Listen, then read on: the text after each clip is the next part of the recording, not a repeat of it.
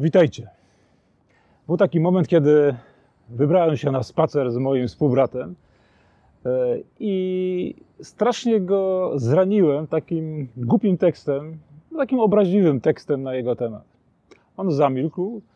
Szliśmy sobie potem jeszcze z 10 kilometrów przez las. Byliśmy tylko we dwóch. I w którymś momencie, kiedy się zupełnie tego nie spodziewałem, nagle poczułem potężne uderzenie w plecy. Po kilkunastu kilometrach i po kilku godzinach mój współbrat odreagował swoją złość. Zemścił się za to, co ja mu zrobiłem tam właśnie kilkanaście kilometrów wcześniej, ten mój głupi, chamski tekst. Chyba najbardziej byłem wstrząśnięty, że minęło tyle czasu e, i on to ciągle niósł w sobie i w pewnym momencie odreagował, wywalił z siebie tę złość, te, to rozgoryczenie, te wszystkie emocje, które w nim były i które spowodowały, że chciał mi po prostu się e, odpłacić pięknym za nadobne. Decyzje, które zmieniły świat, dzisiaj taka decyzja, którą podjął jeden z najważniejszych ludzi w historii świata, a miał na imię Józef. Józef to jest człowiek, który zebrał na swoich barkach w swoim sercu, w swoim ciele, wszędzie, gdzie tylko się dało, zebrał nieprawdopodobne ilości zła, które mu wyrządzili najbliżsi. Józef to jest najmłodszy syn Jakuba, bardzo przez niego ukochany, może nawet za bardzo, może za bardzo Jakub e, obnosi się z tą swoją miłością do Beniaminka, za bardzo to pokazuje i bracia stają się zazdrośni. Mamy tutaj do, do czynienia z taką właśnie, z takim grzechem, z taką słabością, która bardzo często dotyka rodzeństwa. Zazdrość, kiedy czuję, że tata, mama lepiej traktuje mojego brata czy siostrę. Bracia Józefa z czasem, widząc jak on jest faworyzowany przez tatę, zaczynają mieć po prostu ogromną niechęć do niego. Ona w nich narasta. Oni czują się okradzeni z tej miłości ojcowskiej przez to, że dostaje jej ich zdaniem za dużo Józef. Józef troszkę jest takim właśnie narcyzem, to znaczy takim gościem, który zachwyca się tym, jak dużo ma. Bo okazuje się po pewnym czasie, że ma też dary nadprzyrodzone. Ma jakieś sny, w których to snach okazuje się, że on jest też w oczach Boga, tak przynajmniej interpretuje to, w oczach Boga też kimś ważniejszym niż jego bracia. Potem zrozumiemy, że te sny były zapowiedzią opatrznościowej roli Józefa w historii całej tej rodziny i w historii całego świata. A ta opatrznościowa rola zawisła od jednej decyzji, którą podjął Józef. Za chwilę okaże się, co to była za decyzja. Jest taki moment, gdy bracia po prostu już e, brzydzą się nim, nienawidzą go, nie mogą na niego patrzeć, tak na marginesie, zobaczcie, jak daleko potrafimy zabrnąć w niechęć wobec kogoś. Niechęć, która jest, może być oparta na jakichś rzeczywistych takich e, powodach, ale z czasem możemy się tak zdegenerować w naszych emocjach, w naszej wyobraźni, że po prostu wszystko w nas już jest tylko pogardą, tylko niechęcią i nienawiścią. Bracia Józefa są właśnie na takiej, w takiej fazie swojej nienawiści. I kiedy nadarza się okazja, podejmują decyzję, że zamordują go. Tylko dlatego, że dwaj z nich przerazili się tej myśli, że mogliby być bratobójcami, zostaje zmieniony, zmieniona ta decyzja na taką, że sprzedadzą ich kupcom izmaelskim.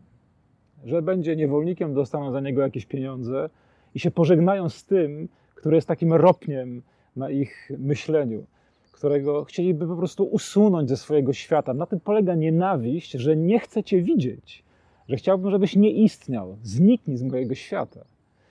Kiedy tak czuję i myślę, jestem w stanie zrobić najgorsze rzeczy. E, Józef zostaje sprzedany. Łatwo sobie wyobrazić, co się dzieje w tym młodym chłopaku, który mało tego, że zostaje absolutnie zdegradowany społecznie, jest po prostu niewolnikiem. E, zostaje oderwany od swojego ojca, ale musi nosić świadomość, jak został potraktowany przez swoich braci. musi nosić świadomość, że oni chcieli go zabić, że tylko trochę właściwie przypadkiem, bo się napatoczyli na, ci kupcy izmaelscy, no i dwóch się zlitowało, braci, tylko przypadkiem żyje. Oni chcieli jego śmierci. Oni wybrali, że będzie niewolnikiem. Weź żyj człowieku teraz z taką świadomością. Zobaczcie, że my potrafimy z pamięci naszej historii wydobyć e, nieraz dużo mniej hardkorowe wydarzenia. Właśnie jakieś poczucie krzywdy ze strony ojca, mamy, rodzeństwa, przyjaciela, zdradę. I to potrafi potwornie zainfekować nam serca, zainfekować umysły, emocje i sprawić, że pragniemy tylko jednego. Gdyby, się nadarzyła okazja, odpłacić się, dać odczuć temu człowiekowi, co on zrobił. Ten rodzaj infekcji naszej pamięci, naszych, naszej wyobraźni, naszej wolności jest czymś strasznym. Taka choroba oczekiwania tylko na okazję, żeby się zemścić, żeby odpłacić, żeby on też cierpiał, ona tak cierpiała, jak ja cierpiałem. Jest taki moment, gdy bracia e, Józefa przybywają po wielu latach do Egiptu poszukiwaniu ocalenia, żywności, ponieważ cały ówczesny świat poza e, właśnie Egiptem, a Egipt dlatego nie, e, nie umiera z głodu, ponieważ Józef opatrznościowo zadbał jako dobry włodarz o byt materialny Egiptu. Bracia przychodzą i poszukują ratunku, ocalenia. Nie wiedzą, że teraz tym właśnie, tą, tą postacią ważną na dworze króla Faraona, na dworze Faraona jest Józef i ich brat. Kiedy Józef rozpoznaje swoich braci, nie rodzi się w nim e, chęć odwetu. Jest w nim takie pragnienie, aby ich ocalić. On wie, że oni potrzebują przeżyć moment skruchy, moment żalu, uświadomienia sobie, co zrobili ale myśli nie o odwecie, ale o tym, żeby ich serca zostały oczyszczone przez pokutę. Jak to możliwe, że Józef nie chce się mścić? Jak to możliwe, że gorąco czeka, aby oni otworzyli się w prawdziwym żalu i mogli znów być jednością jako bracia? To jest ten wielki dar, ta wielka łaska, którą przyjął Józef. Łaska, która polega na tym, że mówisz: nie chcę się mścić. Nie będę się odgrywać.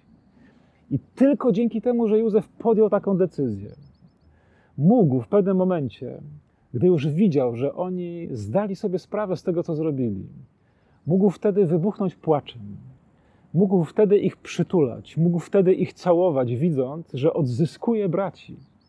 To jest niesamowite. Jeśli podejmę decyzję, że nie będę się mścić, że nie będę się odgrywać, że nie będę odpłacać pięknym za nadobne, to ta decyzja okazuje się niesłychanie piękna, niesłychanie płodna, dająca życie.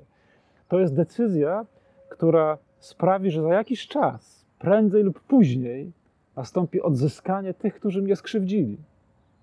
I to była też decyzja Jezusa na krzyżu.